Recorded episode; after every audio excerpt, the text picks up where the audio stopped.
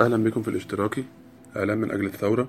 مقال الليبرالية الجديدة المنشور يوم الاثنين 6 يونيو 2011 الليبرالية الجديدة هي سياسة ظهرت بدايتها في منتصف السبعينات وتبنتها حكومات غربية كبرى في آخرها وتحولت إلى سياسة عالمية في الثمانينات والتسعينات وهي بالتأكيد لم تبتكر لحل أزمة الفقراء. على العكس الليبراليون الجدد كانت مهمتهم أن يقدموا وصفة لإنقاذ الرأسمالية المأزومة في معظم بلدان العالم.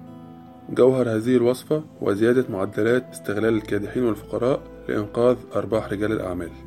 حتى مطلع السبعينات كانت العادة في كثير من بلدان العالم هي أن التعليم والخدمات الصحية يقدمان لمعظم السكان بالمجان وأن توفير العمل أو معونة بطالة مناسبة التزام على الحكومات وأن المعاشات المجزية نسبيا حق لكل العاملين عند سن معين وأن الخدمات العامة مجانية ومتوفرة.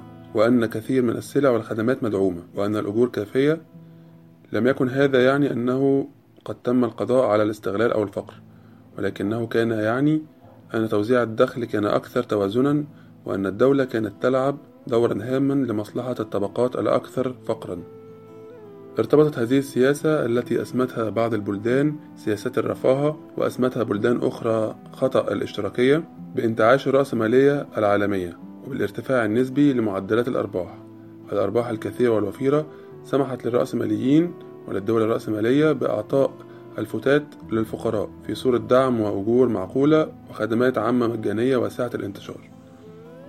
في ظل أزمة الرأسمالية في السبعينات اتجهت الحكومات الرأسمالية نحو تقليص أي دعم للطبقات الفقيرة علاوة على تعرية العاملين من أي حقوق في المقابل دفعت الليبرالية الجديدة عن دعم الأغنياء. لابد من تقليل الضرائب على أرباح الرأسماليين لابد من تقليل الضرائب على ثروات الأثرياء.